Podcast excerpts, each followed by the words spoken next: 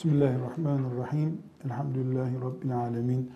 Ve sallallahu ve sellem ala seyyidina Muhammedin ve ala alihi ve sahbihi ecma'in. Bütün fıkıh kitapları temizlikle başlar. Temizlik de su ile olduğu için su ile öncelikle başlar. Çünkü İslam temizlik üzerine kurulu bir dindir. Temizlik ibadetlerin esası, Müslümanın da şahsiyetinin göstergelerindendir. Günde beş defa namaz kılıyor mümin. Bu beş namazın her birinde diş temizliği yapması kendisinden şart koşuluyor. Sadece bu noktadan bile alsak, yani ağız kokusunu dahi esas alarak yola çıksak, dinimizin temizliği nerelerde tuttuğuna dair ciddi bir ölçü yakalamış oluruz. Bu noktadan hareketle kadınlara mahsus konuların en önceliği, en önceliklisi olarak zikredebileceğimiz hayız ve hayızın sıkıntılı durumları, özür noktasına gelen durumları ve nifas. Bu üç kelime hayız, nifas ve hayızda ya da nifasta tıbbi sorun olması. Bu hususları kadınların erkeklerden çok daha öncelikli olarak kendileri çözmeleri gerekiyor. Çünkü hayızda, nifasta ve istihaze dediğimiz kadının e, fazladan kanama görmesi hali erkeklerin aslında bilemeyeceği şeylerdir. Şimdi ben burada bu dersi yapıyorum ama e, bana yabancı bir konu okuduğum hadisten, fıkıh kitaplarından okuduğum şeyleri size anlatacağım. Bir benim buna bakış tarzım var. Bir de kendisi içinde muhtemel, hatta muhtemelliği çok geçmiş bir noktada e, bizzat ilgisi olduğu bir konuyu bir kadının öğrenmesi, anlatması var. Keşke Müslümanların en azından her kasabada bir hoca hanımı çıkıp mümin kadınlara bu konuları yüz yüze kadın kadına rahat anlatabilecek olsa keşke. Çünkü meselenin e, tıp boyutu da var, derin fıkıh boyutu da var. Kadın psikolojisi açısından ele alınması gereken boyutu da var. Konumuz hayız konusu. Bunu Türkçe'de aybaşı hali, adet görme, e, yöreden yöreye farklı kelimelerle al. Mesela hasta olma, kadının hasta olması mecazen söylenir. Kanama dönemi denir. Artık ismi ne olursa. E, ikinci olarak da nifas dedik. Nifas kadının lohusalık hali. Yani çocuk doğumundan sonra kanamalı geçirdiği en çok 40 gün olabilecek olan dönem. Bir de gerek hayız döneminde ve gerekse e, lohusalık, nifas döneminde kadının normal kanamanın üstünde kanama görmesi. Buna e, sorunlu dönem diyebiliriz. E, veya fıkıhtaki deyimiyle istihaza diyebiliriz. E, ya da tıbbi bir ifade olarak e, özür dönemi diyebiliriz. Hangi dönem bu üçüncü dönem? Gerek aybaşı kanamasından sonra, e, gerek lohusalık kanamasından, nifastan sonra doğal olmayan kanamaların devam etmesi. Bu üç başlıkta kadının e, ciddi bir şekilde bilmesi gereken fıkıh konularını ihtiva ediyor. Az önce de belirttiğim gibi hiçbir şekilde erkeklerle ilgili bir konu değil. İnsanoğlu yaratıldığından beri değil, bundan sonra da değil. Ama bir erkek peygamberden aleyhissalatü vesselam bunlar öğrenildi. Erkek sahabilerin de içinde bulunduğu bilgi kanallarıyla bize ulaştı.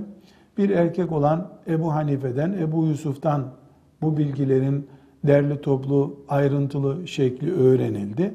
Biz de bugün bu şekilde öğrenmeye devam ediyoruz ama emelimiz, umudumuzu da özellikle vurguluyorum. Keşke her kasabada en azından her ilçede kadınlarımızın e, gidip önünde oturup e, kendileri ve e, küçük aybaşı yeni olacak çocuklarını bu bilgiyle donatacak masallardan, menkıbelerden hareket etmeyip temel fıkıh bilgilerinden hareket ederek eğitecek hoca hanımlar keşke bulunsa. Keşke diyorum. İnşallah bu boşluğu doldurmayı Allah size nasip eder.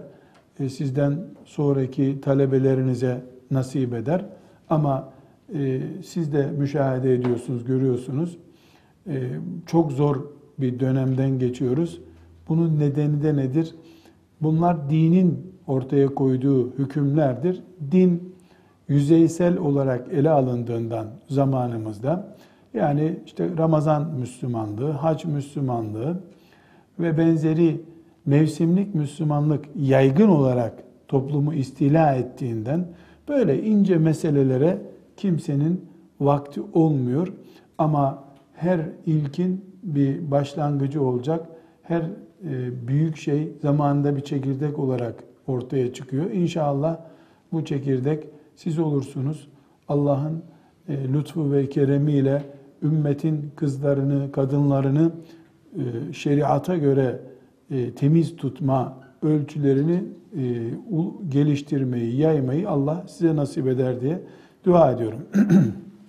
Burada kadınlara mahsus fıkıh konularını ele alıyoruz. Her konuyu inşallah kadının gözüyle ele alacağız. Yani kadının gözüyle derken kadını ilgilendiren boyutuyla namazı da öyle ele alacağız. Haccı da öyle ele alacağız. E, dolayısıyla kadının gözüyle hayız ve nifasa bakınca bir konu daha gündeme gelmesi gerekiyor. Burada onu da ele almamız şart.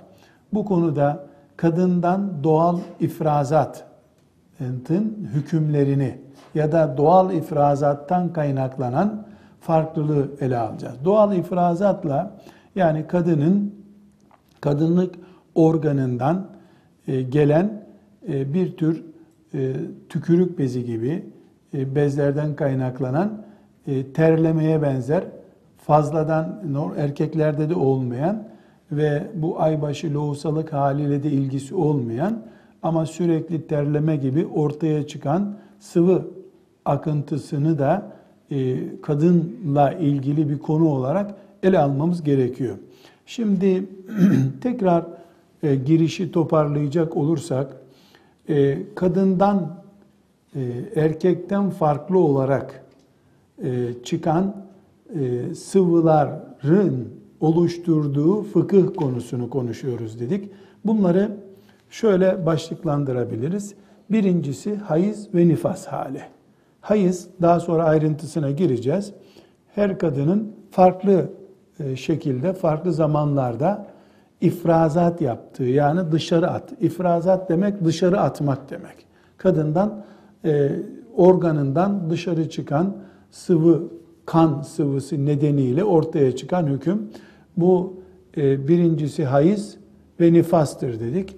Hayızla nifas sık sık beraber anılacaklar. Temel bir prensibi kırmızı kalemle not edebilirsiniz. Fıkıh bilgisi açısından hayız için ne konuşuluyorsa nifas için yani lohusalık için de aynı hükümler geçerlidir. Tek bir konu hayızla nifas arasında süre bakımından, başlama ve bitme süresi bakımından farklılık var. Bunun dışında hayız için ne öğrendiyseniz aynı şeyleri nifas için de biliyor, kabul edebilirsiniz. Bu temel bir prensip olarak e, bir kenarda bulunsun. Yani biz burada e, dakikalarca, saatlerce hayız konuşsak, kalın bir dosya olursa sonra hiç nifastan bir şey konuşmasak.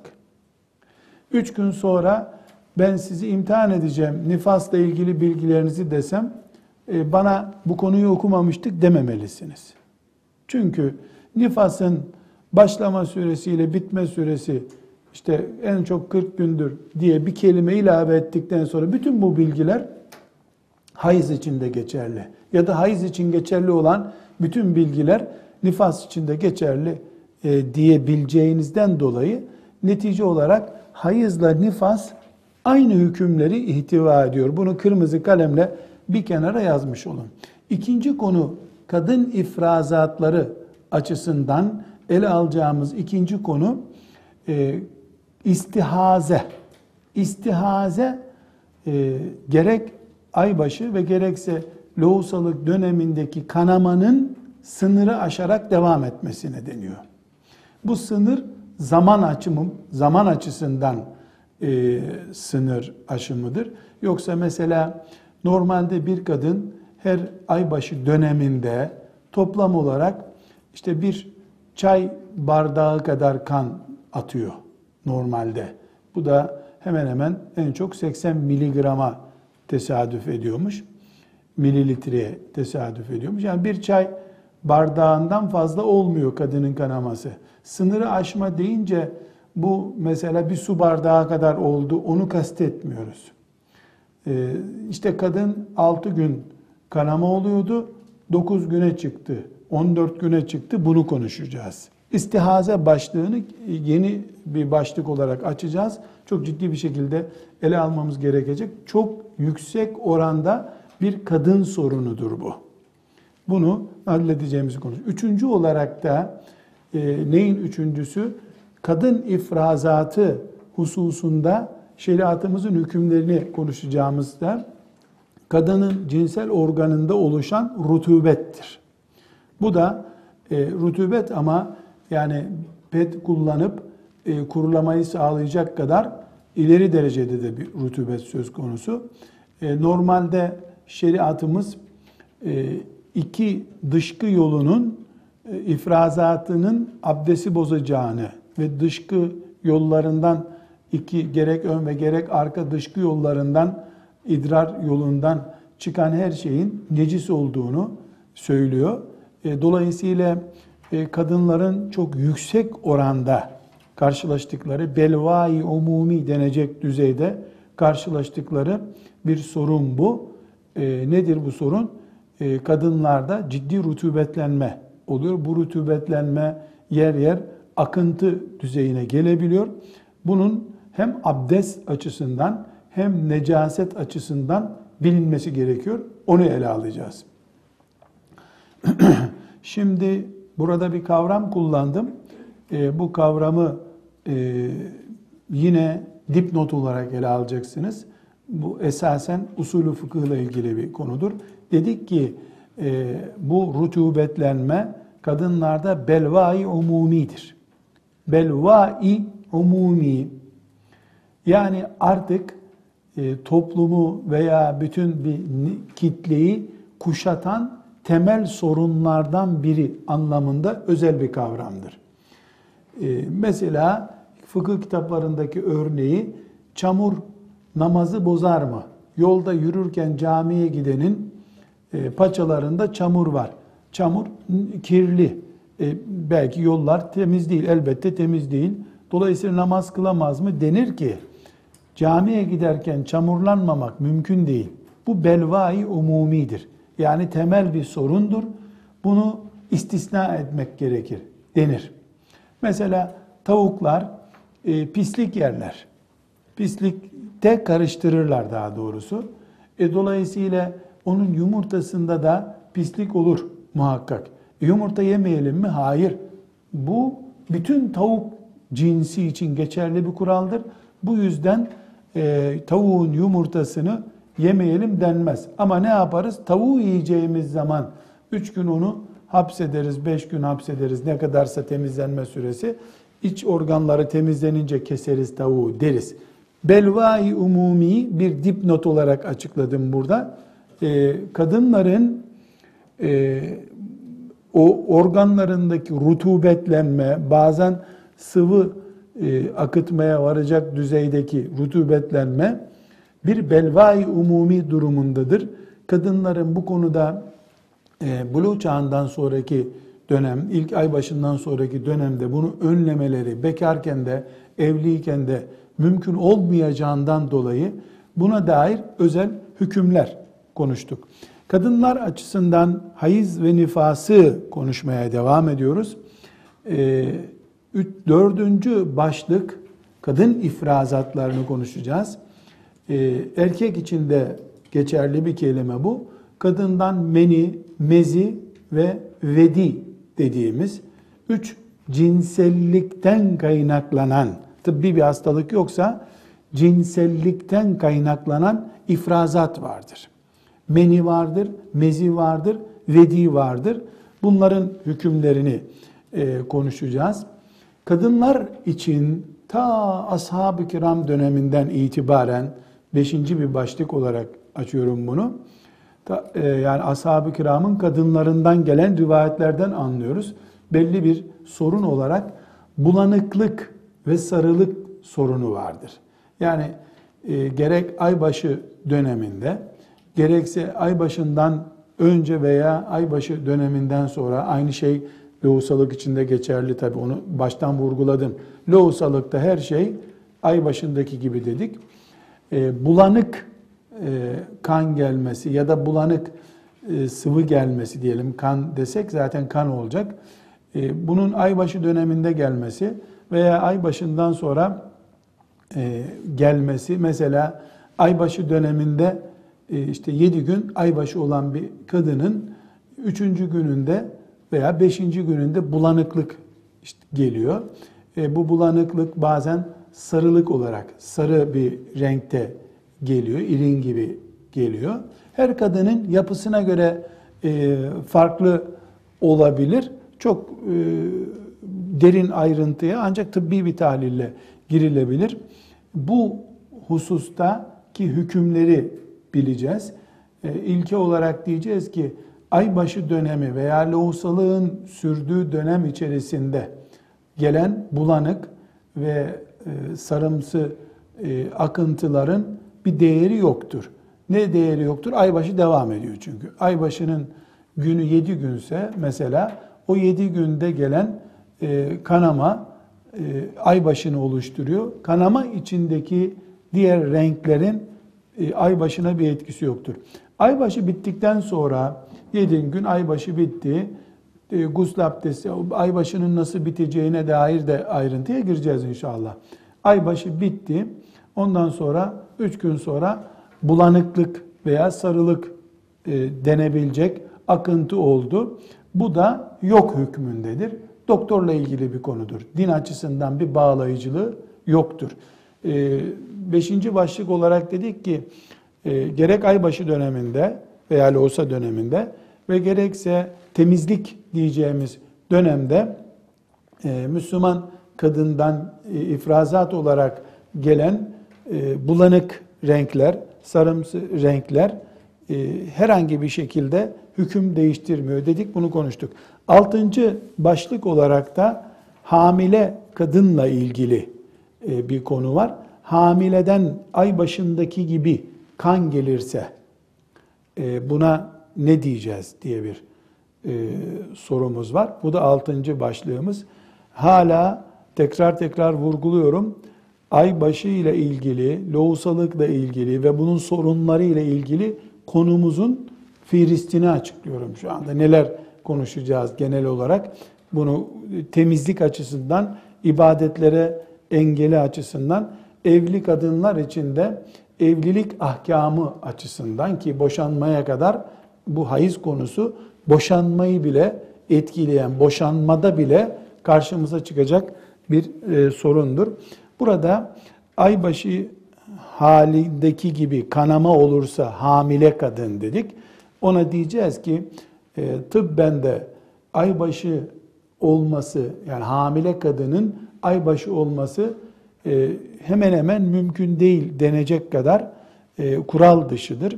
Yani normalde aybaşı olarak çıkan kan e, zaten e, hamile olmayı sağlayan sistemle ilgili bir e, gelişme olduğundan kadın hamile olur olmaz aybaşı kanaması biter.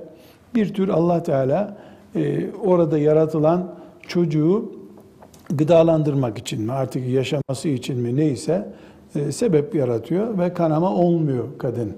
Hem e, kan kaybetmiyor hem de e, çocuk beslenmiş oluyor. O e, Allahu Teala'nın yaratma mucizelerinden bir mucize olarak karşımıza çıkıyor.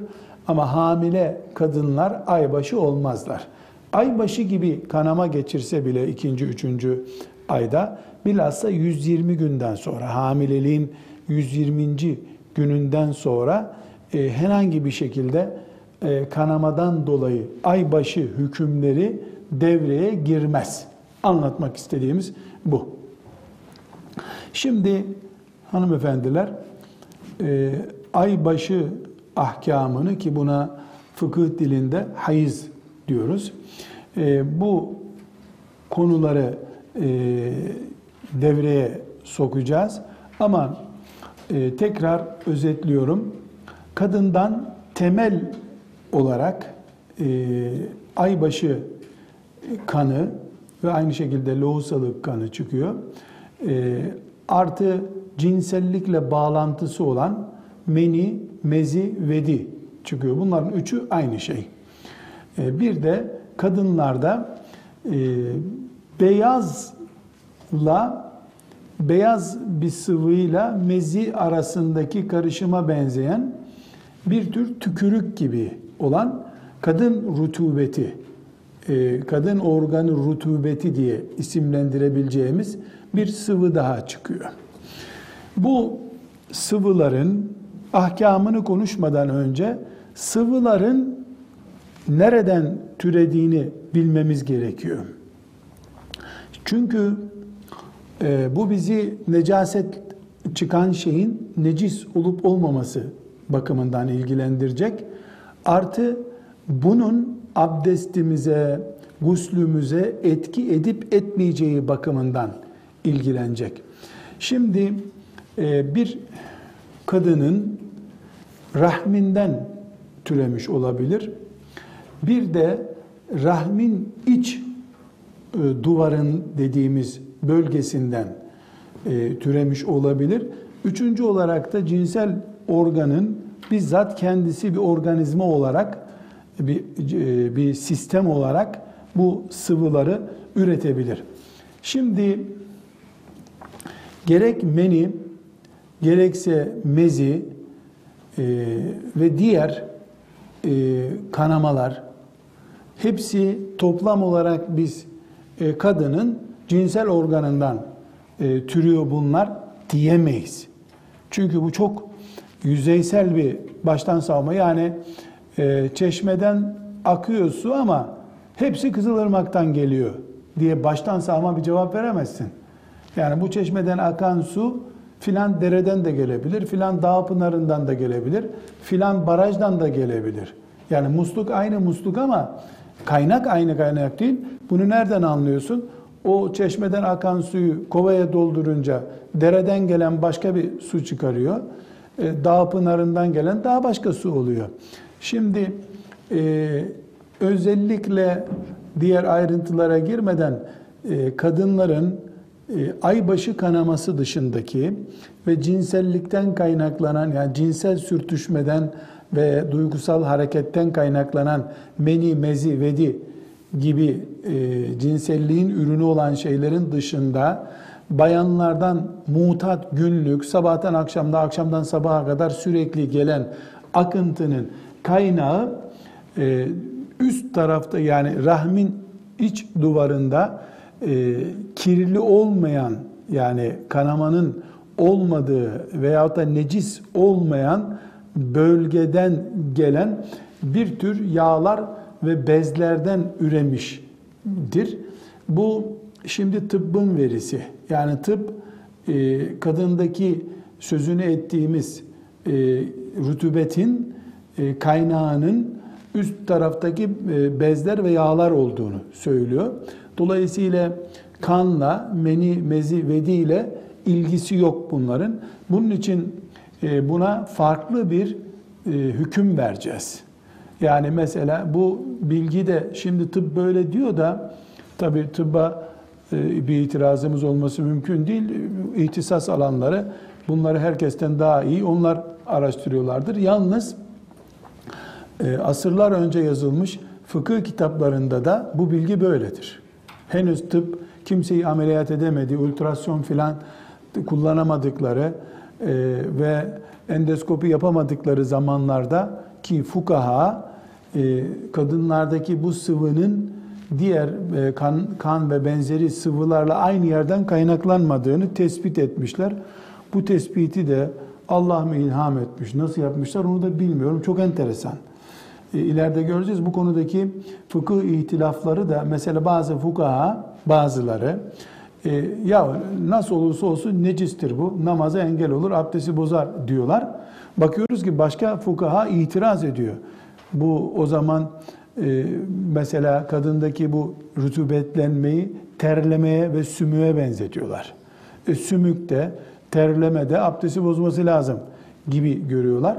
E, bu e, ileride bu konuları inşallah sizler araştırırken e, buraya neden vurgulama yaptım?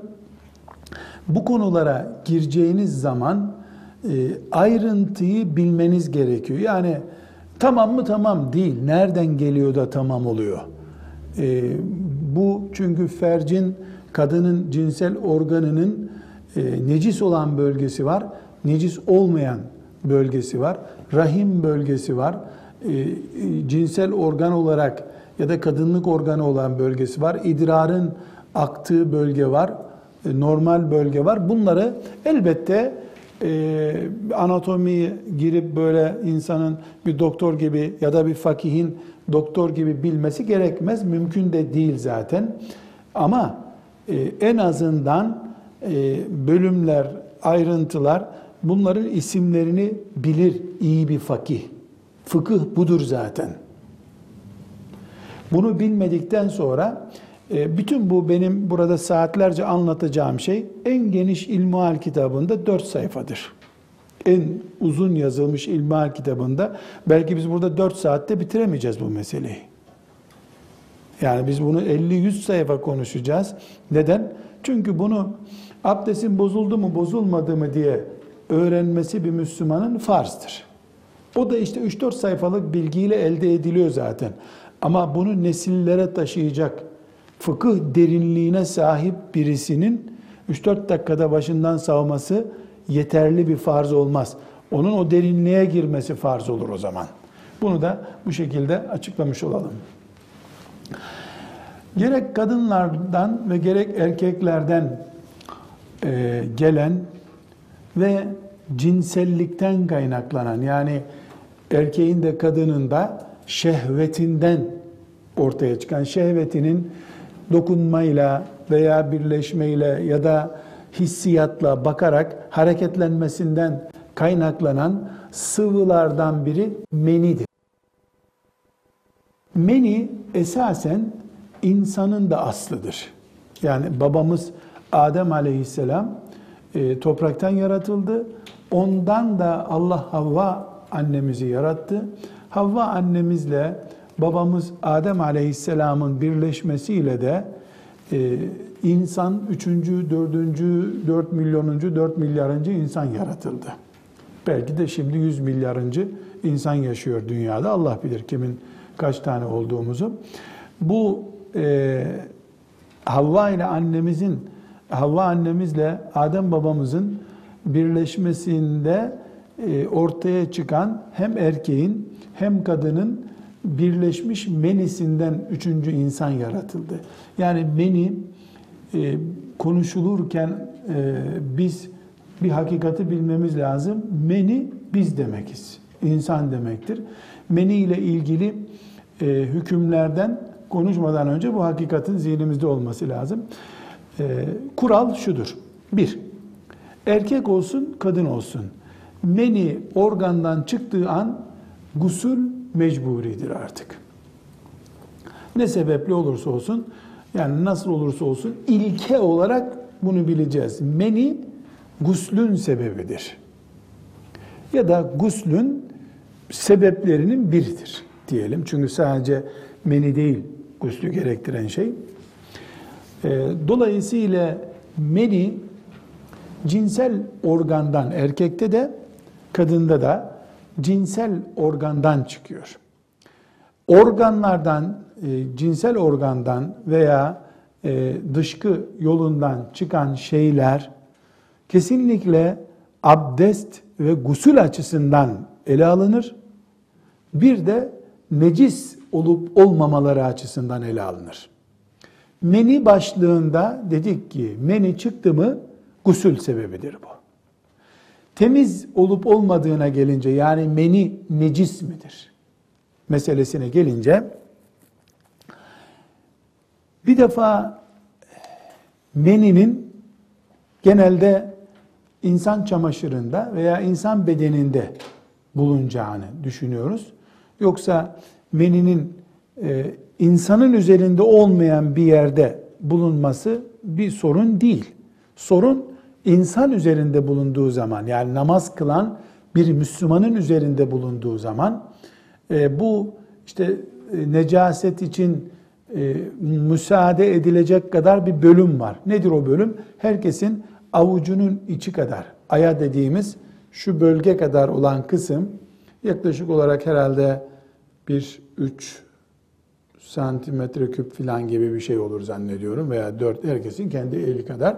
Yani düştüğü bölge sıvı olduğu zaman bu bölge kadar e, bir yer kirletince namaza engel kabul ediyoruz bunu. Meni e, eğer necisse ki necasetini konuşacağız. Bunun temizlenmesi lazım. Sadece gusletmek yeterli değil.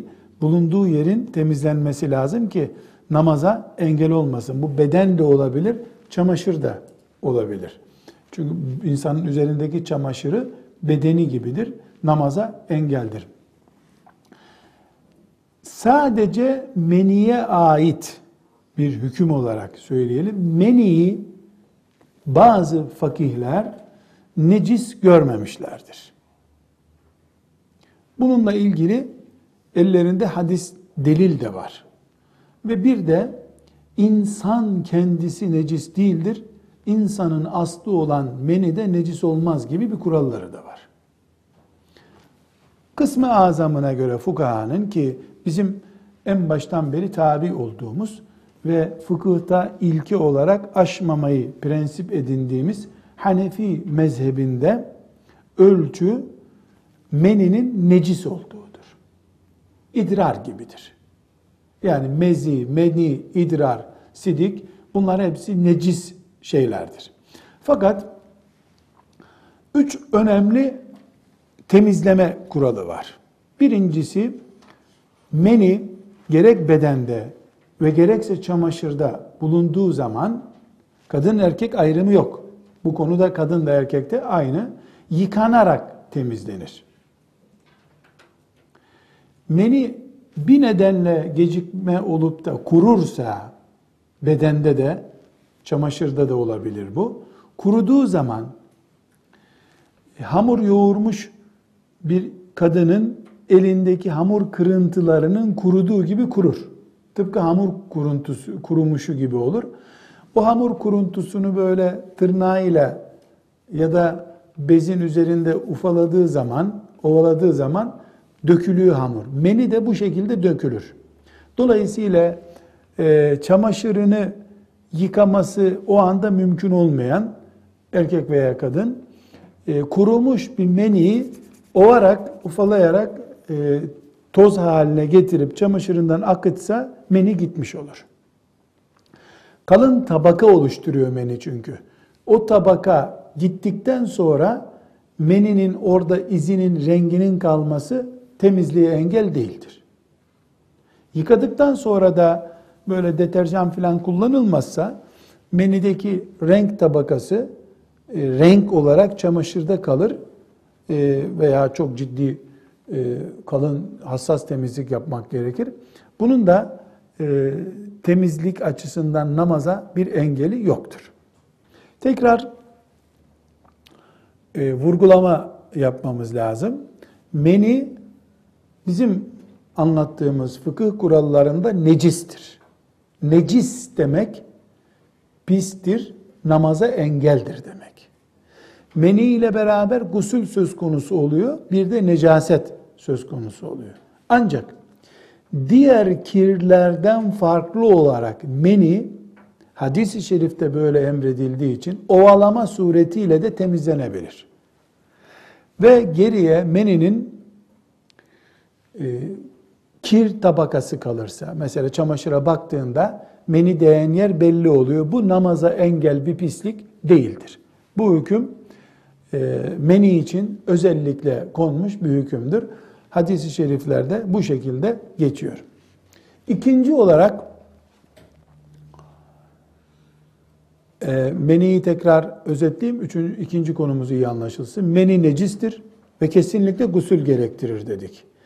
Aynı şekilde kadından da erkekten de meni gibi olmayan ama idrar gibi de olmayan, idrarla meni arasında biraz daha tükürükten kalın olan e, bir sıvı gelir. Buna mezi veya vedi denir. Vedi de meziden biraz farklıdır ama bunun ikisini ayırmakla uğraşmaktansa mezi vedi diyelim. İkisi de zikredilmiş olsun.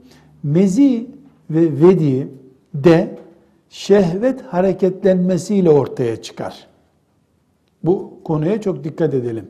Şehvet hareketlenince mezi ve vedi gelir. Bu hareketlenme çok ileri gittiğinde meni gelir. Şimdi meninin hükmünü bir kenara koyduk. Bir kere mezi bütün fukahanın ittifakı ile necistir. Çamaşıra değdiği zaman mezi veya vedi çamaşırın yıkanması gerekir. Başka türlü temiz olmaz. Yani mezi e, menideki gibi ovalanmaz çünkü tabaka değildir mezi.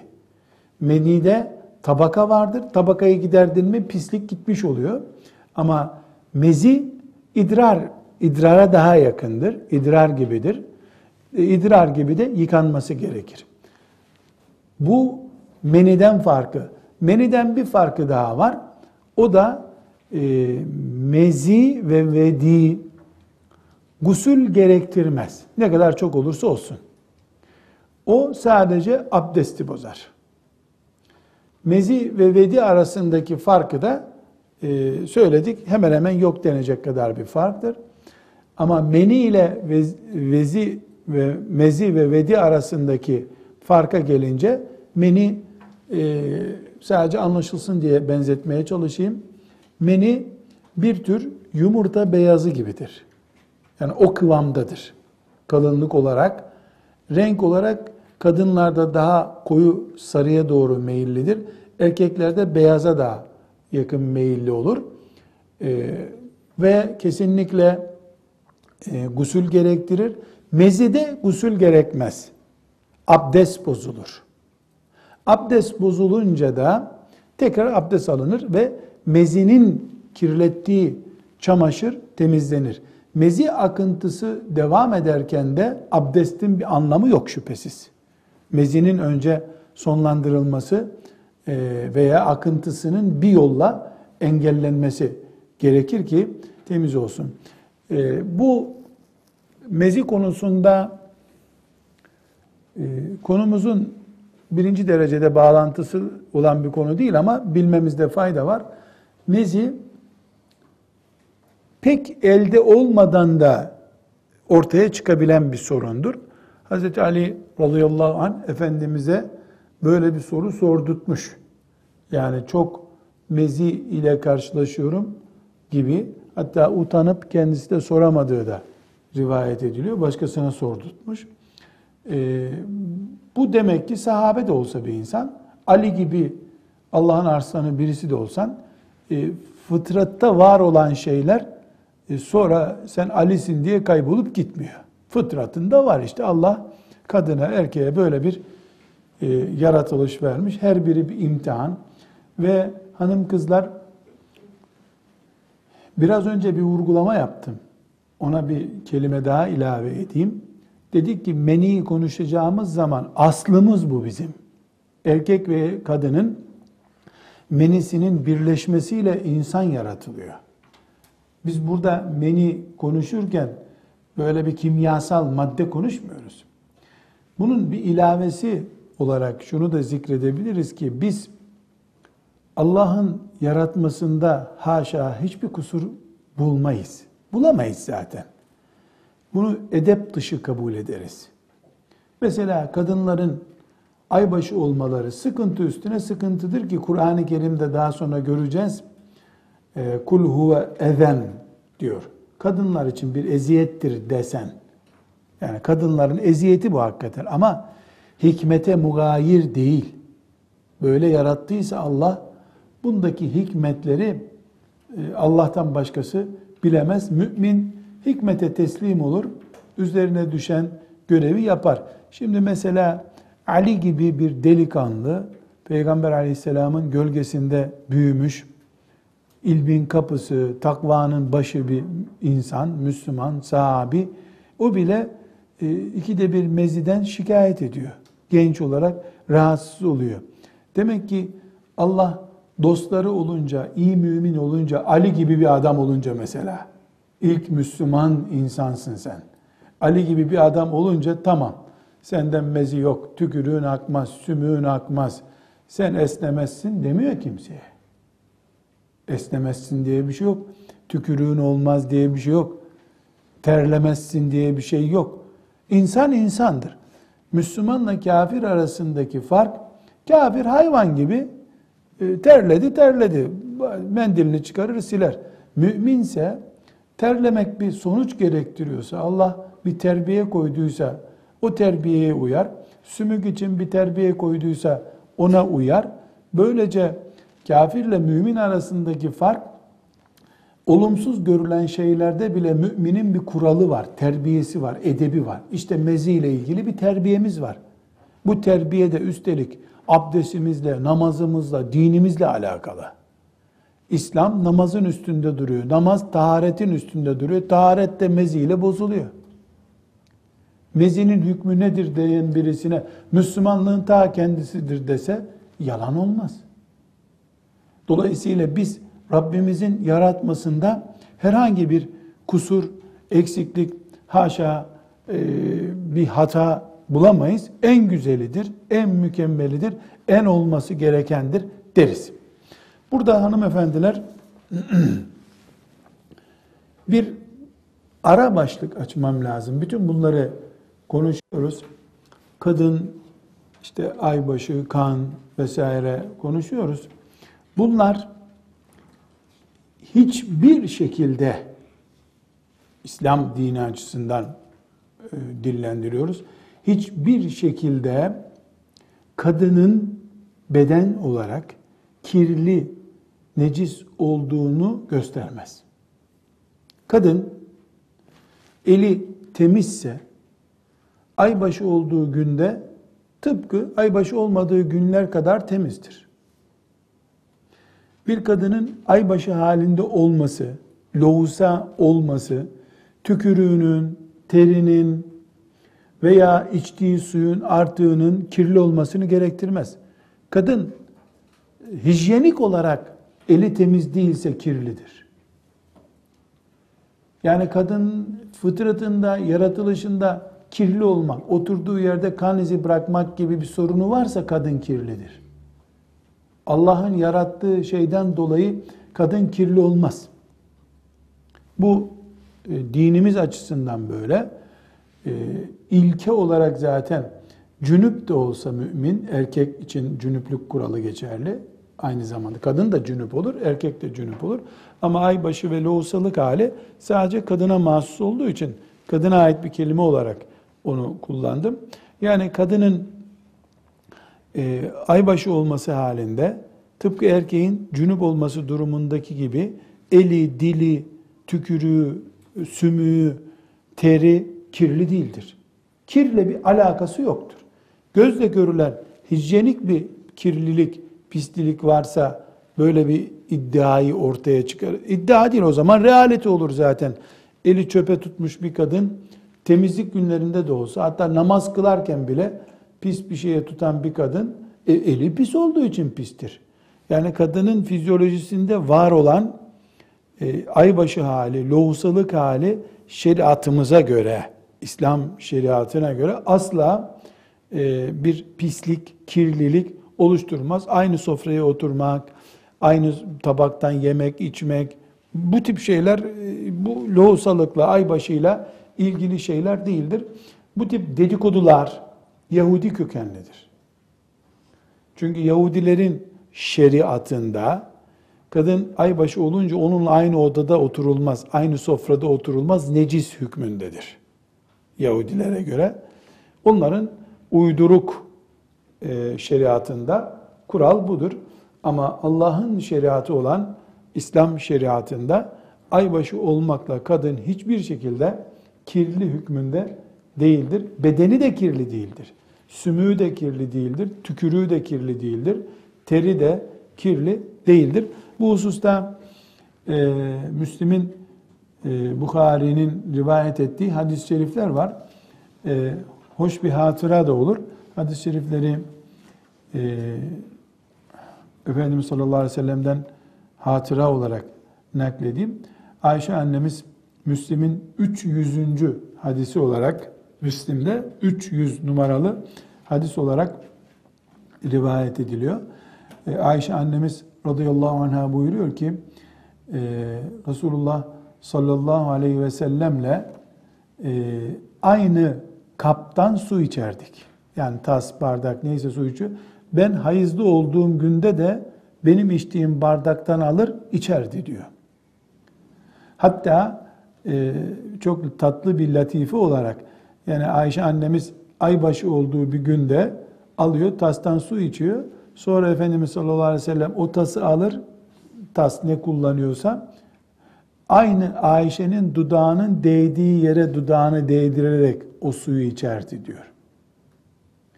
Bu da gösteriyor ki yani aynı kaptan içmek bir kenara Ayşe'nin dudağının değdiği yeri özellikle kolluyor. Ayşe'nin gönlünü yapmak, Ayşe iltifat etmiş olmak için. Hatta başka bir örnek veriyor. Müslim'in 300. hadisinde e, haşlama et pişirilmiş evinde. E, haşlama yani kemikli et, kemiğiyle beraber e, pişirilmiş. Bir kemiği Ayşe annemiz alıp dişliyor. İşte kemiğin üzerindeki etin bir kısmını dişliyor. Ay- Ayşe annemizin elinden o kemiği alıyor. Geri kalan Ayşe annemizin dişlediği yerin devamını Efendimiz sallallahu aleyhi ve sellem yiyor. Bu da neyi gösteriyor? Yani Ayşe annemiz aybaşı idim diyor. Aybaşı idim diyor. Demek ki aybaşı halinde kadın necis olacak olsa Resulullah sallallahu aleyhi ve sellem kesinlikle e, Ayşe'si de olsa şeriatından taviz vermez. Vermeyeceği belli. Yine Bukhari'nin 296. hadisi olarak e, Resulullah sallallahu aleyhi ve sellemin başını tarardım ben diyor. Yine bir seferinde e, başını taradığında aybaşı halindeydim diyor.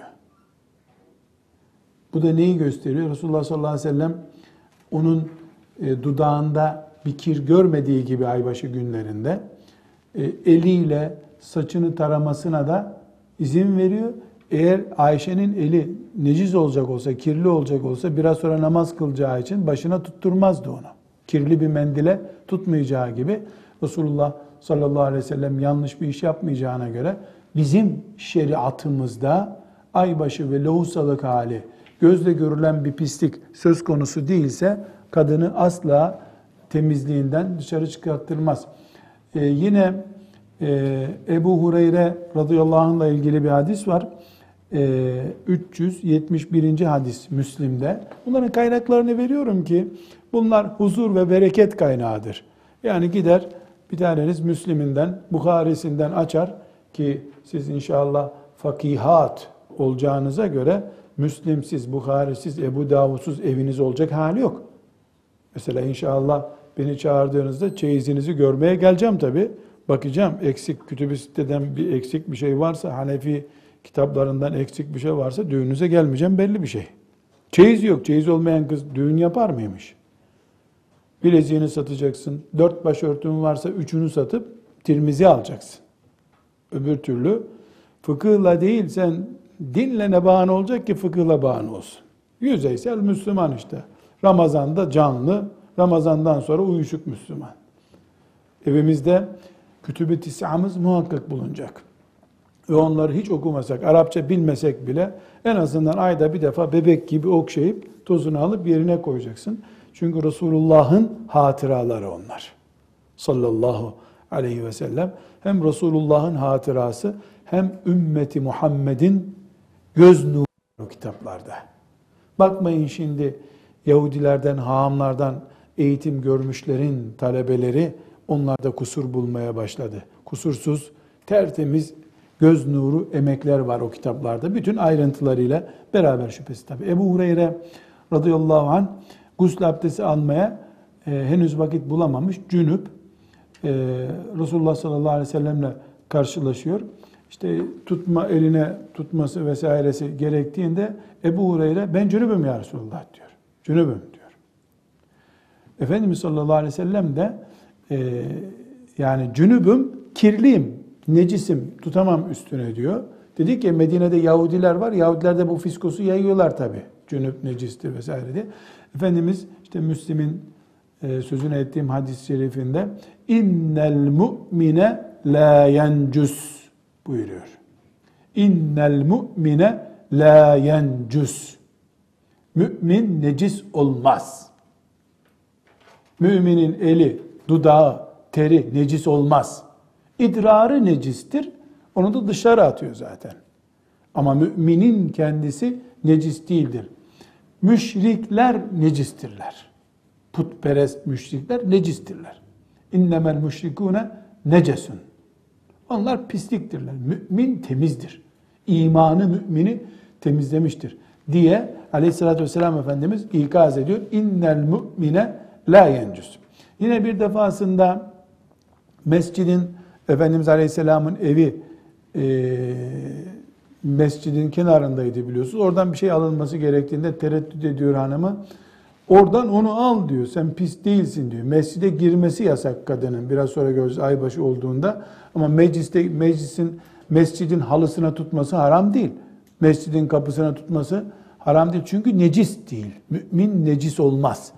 Kaldı ki bu innel mu'mine la yencus sözü cünüp bir sahabeye söylenmiş ki cünüplük e, kadının aybaşı halinden daha ağırdır. Çünkü kadının aybaşı hali e, müminin kadın olsun erkek olsun cünüplük haline göre zorunludur. Cünüplük istediğin zaman kaldırabilirsin. Aybaşı halini istese de kadın kaldıramaz. Kaldıramayacağı için de ay başındaki kolaylıklar, mesela Kur'an okuma e, hükümlerini konuşacağız inşallah. Kadının aybaşı olduğunda Kur'an okumasının cünüp bir Müslümanın Kur'an okumasına göre belli bir noktada farklı olduğunu inşallah konuşacağız. Burada e, özellikle vurguluyorum. E, mümin erkek veya kadın aybaşı olduğunda da, cünüp olduğunda da, lohusa olduğunda da fiziki görünen, gözle görünen bir kirlilik barındırmadığı sürece necis değildir. Ama necis olmak veya olmamak bir iştir. Ay başından lohusalık halinden dolayı belli hükümlere tabi olmak da başka bir şeydir. Belli hükümler var. Bu hükümler şudur budur bu ayrıntıları göreceğiz inşallah. Tekrar e, meni, mezi, vedi ile ilgili hükümleri özetledik, toparlayalım. Meni dedik ki e, kesinlikle gusül gerektirir ve mezi ile vedi de kesinlikle gusül gerektirmez. Sadece abdest gerektirir. Meninin ovalanma yoluyla, yıkama yoluyla bir tür temizlenmesi mümkündür. Mezinin ise kesinlikle yıkanması gerekir. Yıkandıktan sonra ancak e, çamaşır veya beden temizlendikten sonra ancak abdest alınıp namaz kılınabilir dedik. Ve özellikle Ayşe annemizden de hadis-i şerifler rivayet ederek üzerine basa basa, vurgulaya vurgulaya kadın aybaşı olduğu günlerde kirli değildir. Yemek pişirmesinde, e, erkeğin seccadesini sermesinde hiçbir sakınca yoktur. Bir oturum, bir toplantıda oturmasında, çocuklarıyla oturması hiçbir sakınca yok. Kadının aybaşı velosu olduğu zaman da daha sonra sayacağımız belli yasaklar vardır. O yasaklara riayet ettikten sonra abdest alıp namaz kılan bir Müslümanla hiçbir farkı yoktur. Sofrada, içecekte, oturup gezmede vesairede farkı yoktur. Burada tabi sizin gibi ilim meraklısı birilerine işte aybaşı halinde uğursuzdur, muğursuzdur gibi sözleri sarf etmiyorum ben. Yani biz böyle şeriatımızın innel mümine la yencüs diye temel kuralını öğrendikten sonra e, bir de kalkıp işte aybaşı halinde kadında uğursuzluk olur, balkonda dursun, eve gelmesin gibi cahilane sözleri böyle şey yanlıştır demek için bile olsa burada kullanmam ben. Bu size hakaret olur. Peki bunlar nereden türüyor? Kök Yahudi kökü hep. Yahudilerin muharref şeriatlarından kendi elleriyle Allah'a rağmen Musa aleyhisselama rağmen yazdıkları şeriatlarından kaynaklanıyor bunlar. Uğursuzluk onların kökünde var.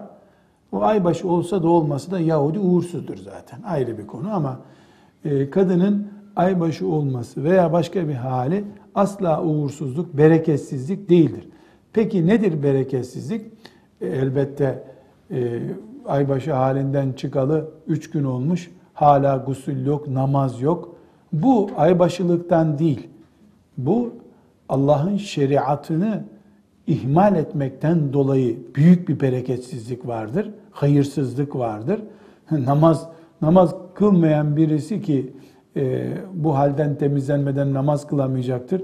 E, yeteri kadar lanet var onun üstünde. Ona gidip bir lanet sebebi daha aramak gerekmez. Asıl bereketsizlik buralardadır. Yoksa e, Allah'tan gelen bir şey uğursuzluk, bereketsizlik getirmez. Velev ki hastalık olsun, velev ki aybaşı kanaması olsun, velev ki lohusalık olsun, velev ki cünüplük olsun. Allah bereketsizlik, uğursuzluk vermez. Kul ihmal eder, yanılır, şunu bunu yapar, onu bereketsizliğe çevirebilir. Bu kulun hatasıdır. Kulun uygulamalarındaki hatalardır. Evet, bu bölümü bu şekilde bitirmiş olalım. E, ikinci bölümde kadın ifrazatlarından kaynaklanan fıkıh farklılıklarına devam edeceğiz inşallah. Velhamdülillahi Rabbil Alemin.